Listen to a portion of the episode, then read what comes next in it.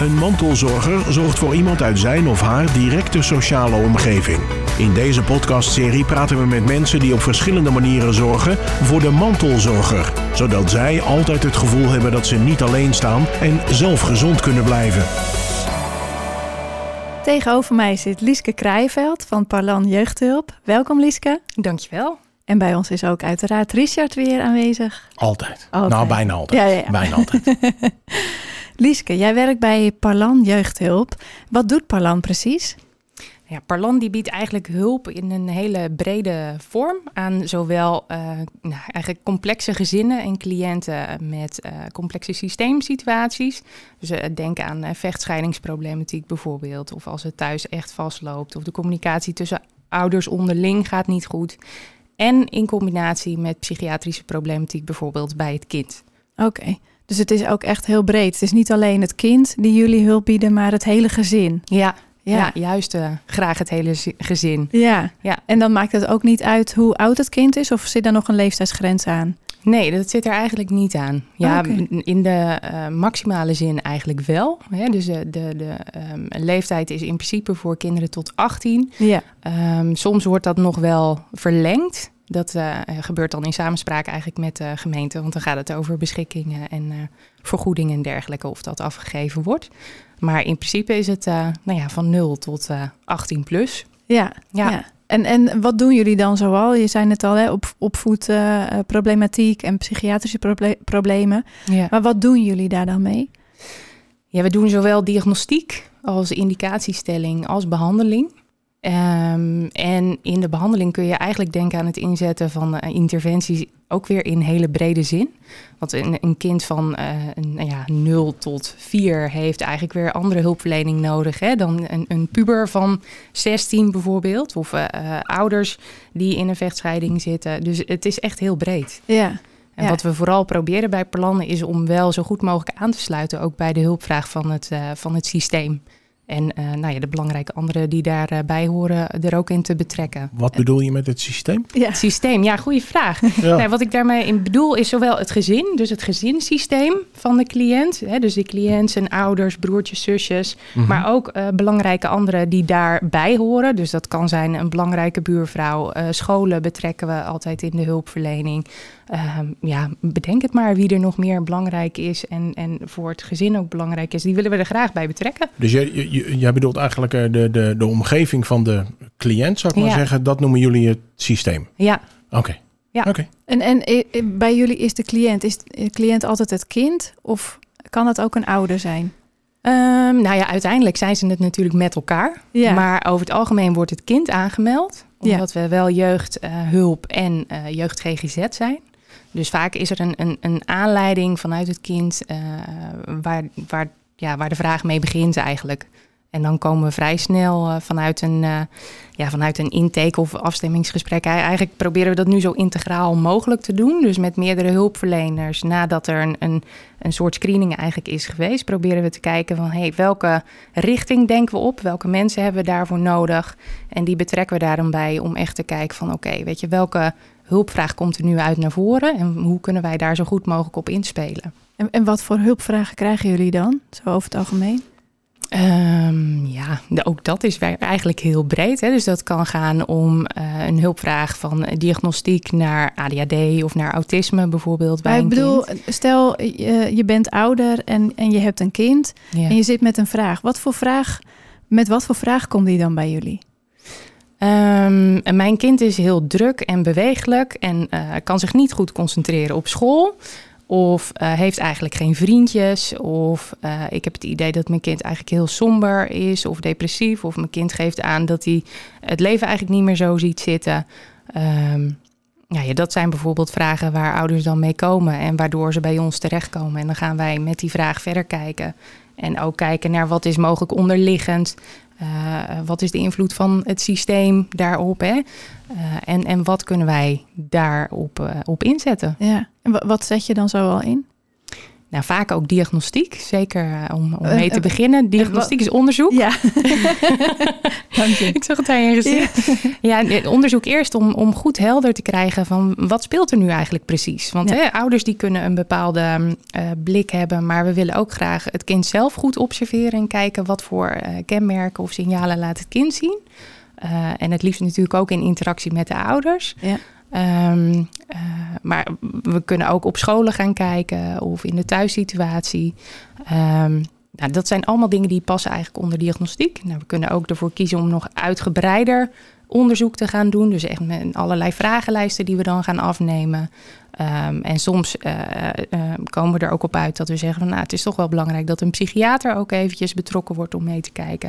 Eigenlijk werken we heel multidisciplinair. Ja. Maar hoe, doe je dat dan? Want ik, ik kan me, eh, nou je, je zei het aan het begin al, hè, een kind van vier heeft hele andere manieren van uit te communiceren en een hele andere soort hulp vraagt dan een puber bijvoorbeeld. Ja. Maar ik kan me voorstellen dat een, een, een, een, een puber die bij jullie komt en je komt met eh, lijsten aan en eh, we willen even met je praten. Nou, dan gaan volgens mij de handen diep in de zakken. En eh, vind je het goed als ik tijdens het gesprek mijn telefoon er even bij houd? En hoe, hoe, hoe doen jullie dat dan? Hoe, hoe speel je in op, die, op al die verschillende vragen?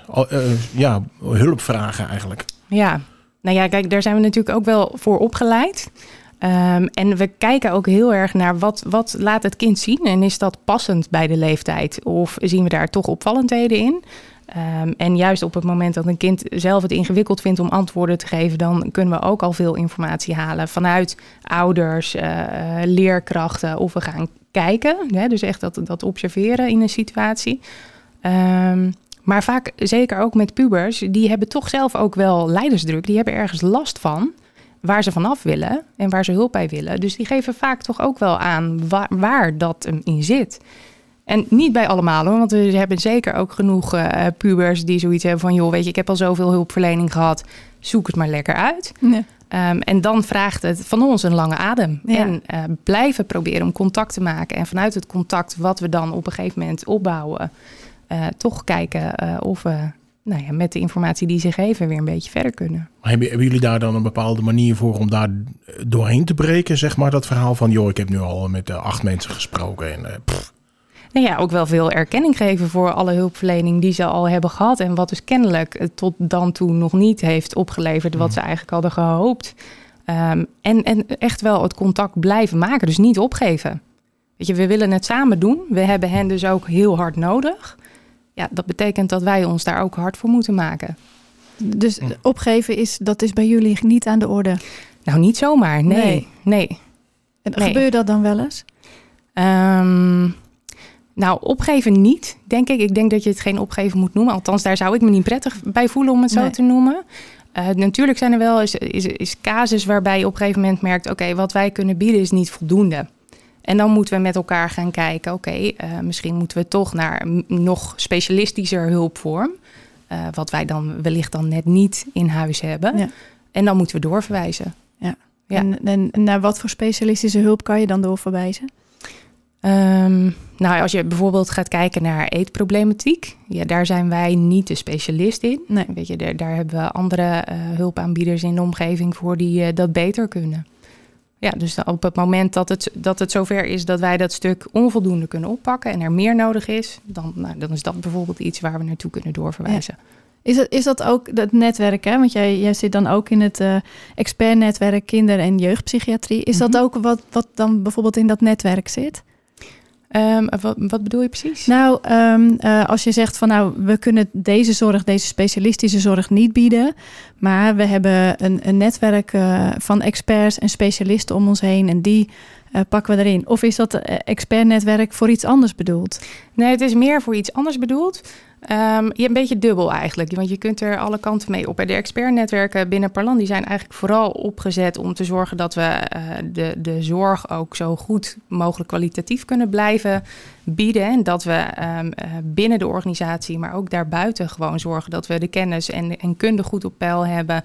Maar ook uit kunnen breiden. Dat we kunnen zorgen dat we evidence-based werken volgens de richtlijnen. En evidence-based, dat is volgens de richtlijnen? Nee, Volgens, ja, over het algemeen wel. En dat het onderzocht eh, effectief is. Oh, op die manier. Eh, bewezen effectief eigenlijk vanuit onderzoeken. ja.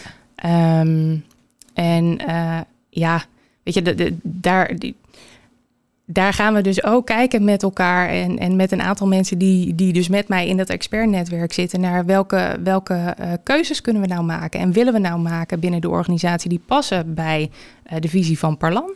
Uh, die ook passen en, en lopen eigenlijk volgens de richtlijnen. Um, maar wat we wellicht nog niet hebben, of waarvan we denken, hé, hey, dat moeten we eigenlijk meer onder de aandacht brengen, of dat moeten we beter gaan borgen, of dat moeten we nu gaan ontwikkelen. Ja, dus dat expertnetwerk, dat, dat is echt eigenlijk iets interns van Parlan zelf. Ja, ja. Om, om die ontwikkeling binnen de organisatie. Uh, ja, en ja. daarbij is het wel de bedoeling dat we op een gegeven moment natuurlijk ook wel dwarsverbanden gaan leggen. Maar we ja. zijn nu, nou pak een beetje een jaar bezig met de expertnetwerk, dus dus vrij nieuw. Dus er is van alles in, in ontwikkeling. Ja. En uh, nou, ik weet vanuit andere organisaties dat ze daar ook wel expertnetwerken hebben. Um, maar ja, goed, ik denk dat het voor alle organisaties geldt, maar zeker ook voor ons om te zorgen dat we zo goed mogelijke kwaliteit kunnen blijven bieden. Wat, wat, wat, is dan het verschil bijvoorbeeld tussen Parlan en een andere organisatie? Wat, wat is datgene wat Parlan Parlan maakt? Um, nou, ik ben natuurlijk niet zo thuis in al die andere organisaties. Maar wat, maar wat vind wat jij... maakt wat- Parlan Parlan? Ik Ja. denk dat, dat wat Parlan Parlan maakt, vooral is dat eh, Parlan heel erg de visie heeft om het samen te doen. Ehm, dus echt met eh, de cliënt het, het, en het systeem dus Mhm. gaan kijken. Hè, van nou, wat is nou de hulpvraag die jullie hebben? Hoe kunnen we daar zo goed mogelijk op aansluiten? Nou, we willen daarbij ook eh, met eh, regionale integrale teams gaan werken. Dus het liefst één team van eh, mensen, van vaste gezichten om een cliënt heen. en- en zodat we dat zo goed je? mogelijk Kijk, kunnen bieden. regionaal is duidelijk, hè? maar wat is een, eh, een, Een integraal team. Nou, een regionaal integraal team. Dat, het, het Ja. klinkt namelijk allemaal heel erg managementachtig, zeg Ja. maar. Maar wat, maar wat heeft iemand die een probleem heeft daaraan? Nou ja, het, het voordeel is, althans dat hopen we dat het gaat opleveren. Hè? Eh, dit moet nog starten, dus het is Ja. echt nog in, Mhm. een, in een beginfase. Maar dat we ehm, eh, een aantal teams creëren binnen de regio's en binnen de verschillende regio's. Waarin eh, eh, allerlei functies eigenlijk betrokken zijn. Hè? Dus je hebt ambulantwerkers, je hebt psychologen, je hebt orthopedagogen, je hebt eh, GZ-psychologen, eh, een psychiater die eraan eh, verbonden is, eh, systeemtherapeuten. Nou, daar een, een goede mix van. Eh, waarvan we bedenken, weet je, die club mensen zou gewoon het gros van de mensen die zich aanmelden met een hulpvraag moeten kunnen bedienen. Want, dat, en want, niet allemaal tegelijk, maar wel wat Ja. nodig is. want staan die mensen dan allemaal op de loonlijst bij Parlan? Of zijn Ja. dat... Ja, oké. dat zijn allemaal Ja. Parlanners. Het zijn allemaal parlanders. Parlanners, ja. ja. Maar het is dus ook zo dat als je als cliënt binnenkomt, dat je eh, eigenlijk een heel scala aan, aan zorgverleners nodig hebt binnen Parlan. En hoe, hoe gaan jullie daarmee om dan? Je zegt net inderdaad eh, zo weinig mogelijk gezichten, maar is er dan ook een bepaalde volgorde die je dan eh, moet aanhouden? Hoe moet ik dat precies zien? Nou ja, die moet je met elkaar gaan bepalen. Nadat je dat eerste gesprek hebt gehad, moet je natuurlijk gaan bekijken, oké, weet je, wat, wat staat op de voorgrond? Dus wat moet als eerste? Ja.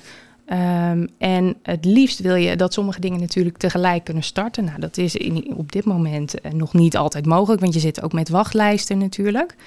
Ehm, maar ja, goed, dat, dat zou wel fijn zijn als ook bijvoorbeeld eh, systeembegeleiding zo snel mogelijk kan starten naast een stuk eh, ehm, individuele behandeling voor een kind.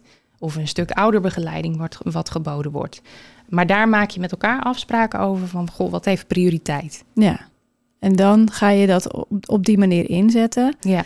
Ehm, wat versta je dan onder, wat is dan, eigenlijk wat is het, dan het verschil tussen systeembegeleiding, waar, waar je dus naar het hele netwerk kijkt, en individuele ehm, begeleiding van bijvoorbeeld een ouder? Want die zitten toch ook in dat systeem? Of Ja. zien jullie dat los daarvan? Nee, klopt. Eh, eh, je hebt alleen wel verschillende nuances. Weet je, een systeemtherapeut die is echt gericht op het behandelen van het hele systeem. Dus echt het hele gezin in eerste instantie. Hè? En als daar anderen in, in, in moeten vliegen of kunnen vliegen, dan worden die daarbij betrokken. Ehm, en individuele begeleiding. Ja, meestal de individuele behandelingen zijn voor de jongeren zelf of voor de kinderen zelf. Dus dat, dat kunnen eh, angstbehandelingen zijn of traumabehandelingen, et cetera. En dan wordt een ouder wel in betrokken, maar dan is er niet zozeer de ouder die ook echt die individuele behandeling krijgt. Oh ja, ja, precies. Dus dan, dat, dat is dan weer het verschil. En Ja. eh, die systeembegeleiding, waar, waar bestaat dat dan precies uit? Ja, dat hangt ook af van de vraag. Want je hebt eh, eh, ehm, eh, verschillende interventies hè, die gericht zijn bijvoorbeeld op het verbeteren van de communicatie tussen ouders als zij in een vechtscheiding liggen of er is sprake van scheidingsproblematiek. Ehm, maar je hebt ook hechtingsgerichte systeemtherapie bijvoorbeeld, die zich heel erg richt op goh, hoe kunnen we nou op die hechting, hè, of de hechting eigenlijk weer meer verbeteren of tot stand brengen tussen Maar- maar- ouders en kind. Ja, precies. Wat bedoel je met hechting? Maar dat is eh, de relatie tussen Ja. eh, de jongere of eh, het kind en, eh, en, en de ouders. Ja. Over wat voor wachtlijsten hebben we het? Ja, dat verschilt een beetje per, eh, per product eigenlijk. Oké, dus Maar er zijn absoluut wachtlijsten. Maar, Ja. maar, maar eh, oké, betekent dat dat je aan de voorkant eh, eh, die wachtlijst hebt? Of betekent dat dat die wachtlijst ontstaat op het moment dat er een eerste soort onderzoek is gedaan? Zo van, nou, welkom binnen, we weten nu wat we met je gaan doen, maar je moet nog even een jaar wachten. Nou ja, een jaar wachten, dat is wel heel uitzonderlijk. Mhm. Maar afhankelijk van eh, ehm, het product kan het wel oplopen soms tot een half jaar. Mhm. Eh, en dat heeft dan ook weer te maken met de hoeveelheid eh, behandelaren die het, het product. Ja, precies. Heeft te maken met de beschikbaarheid. Ehm, meestal is de aanloopduur tot aan een eerste gesprek niet per se heel lang. Dat Mhm. kan wel tot een paar maanden duren, maar niet, vaak niet een half jaar. Ehm, maar daarna kan het soms wel duren. En zeker als er steeds meer aanmeldingen komen. En er komen vrij veel aanmeldingen binnen. En is het dan nu dat er gewoon te veel aanmeldingen zijn? Of hebben jullie te weinig capaciteit? En dat, nou klinkt dat alsof ik hetzelfde zeg, hè? Maar je Nee, snapt snap dat je, ja, ja, ja, Ja. Nou, ik denk dat het, dat het en-en is. Er is en, eh, weet je, er is een toenemende vraag. Dus door de toenemende vraag heb je ook al snel te maken natuurlijk met dat je te weinig aanbod hebt. Ja. Waar, waar, komt dat voornamelijk door, die toenemende vraag? Ehm, dat komt en, weet je, er komt eh, vanuit intern, en binnen Perlan zelf komen er ook eh, behoorlijk wat aanmeldingen. Eh, eh, pleegzorg is bijvoorbeeld ook een, eh, een onderdeel hè, van, eh, van Perlan of een product wat eh, Perlan aanbiedt. En heel vaak zie je bij kinderen die, eh, die eh, in de pleegzorg terechtkomen, die hebben natuurlijk ook het nodige meegemaakt. En op een gegeven moment eh, komt dan de vraag om individuele behandeling. Eh, dus dan komt er een vraag vanuit die hoek bijvoorbeeld. Nou, dat, daar zien we een toename in, dat dat eigenlijk steeds. ehm, ja, en dan bedoel ik vooral een toename ook in vraag voor individuele behandeling, dus op GGZ-niveau. Ehm, andere hulpverlening die is dan al ingezet vanuit Parlan. Ehm, En dat, dat komt dan na aanleiding van dat een kind in een pleeggezin is geplaatst... of voordat een kind in een pleeggezin wordt geplaatst? Nou, ja, we willen er naartoe dat dat vanaf de start meteen is. Maar er zijn natuurlijk al heel veel kinderen die in een pleeggezin van Parlan wonen. Eh, en waarbij dat vanaf de start niet altijd eh, of duidelijk was of meteen noodzakelijk was. Of dat er eerst in is gestoken op andere interventies. Dus dat is ook een inhaalslag die jullie dan op dit moment moeten maken? Ja, eigenlijk wel. Ja, En we hopen met alle nieuwe aanmeldingen die van extern komen. Eh, dat we dat echt vanaf de start eigenlijk meteen goed kunnen wegzetten. En, en in kaart hebben van, goh, oké, dit is wat we zien. Ja. Zo willen we het. En we denken dat dit in de toekomst nog nodig is. Misschien niet nu als eerste stap. Maar we gaan er wel vanuit dat we daar nog iets mee moeten. ja. Ehm, ja, en van buitenaf zijn er ook nog steeds aanmeldingen. Weet je, dat heeft ook te maken, onder andere natuurlijk met, de met de coronaperiode, de lockdowns, waarbij je zeker ook bij, eh, nou, ja, bij de pubers toch wel ziet dat, eh, eh, dat daar echt wel een toename is, ook in stemmingsproblematiek. ja. Wie, wie, wie, wie pakt eh, de rekeningen van eh Palan op? Is dat, een, is dat een verzekeraar? Is dat een gemeente? Is dat provincie, Rijk? Eh, Nou, dat is eh, gemeente, mhm. zeker. En ehm, eh, de verzekeraar is dat ook bij 18-plussers. Ja, precies. Ja. Oké, dus eh, te weinig geld, begrijp ik. Nee, ik weet niet of het eh, zozeer te weinig geld is, maar je hebt te maken met een, met een ja, hoe noem je dat? Een dynamische beweging Een eigenlijk. Hè? vloeibare, eh, ja. ja. Ja. Dus de, e- het ene moment klotst het tegen de plinten op, zeg maar, qua werk. En het volgende moment eh, kan het weer iets kun- minder zijn. kunnen er wel mensen een weekje op vakantie. eh, zeg Ja, ja, precies. Ja, Want, eh, zien Dat is ook jullie, belangrijk hoor. ja, precies. nou, dat is heel hard nodig af en toe. Maar zien jullie die, die, eh, eh, die stijgende lijn, zien jullie die ook toenemen? Dat je denkt van nou, we moeten nu echt eh, mensen, mensen, meer mensen gaan aannemen. Ja. En zijn er dan ook genoeg mensen om aan te nemen?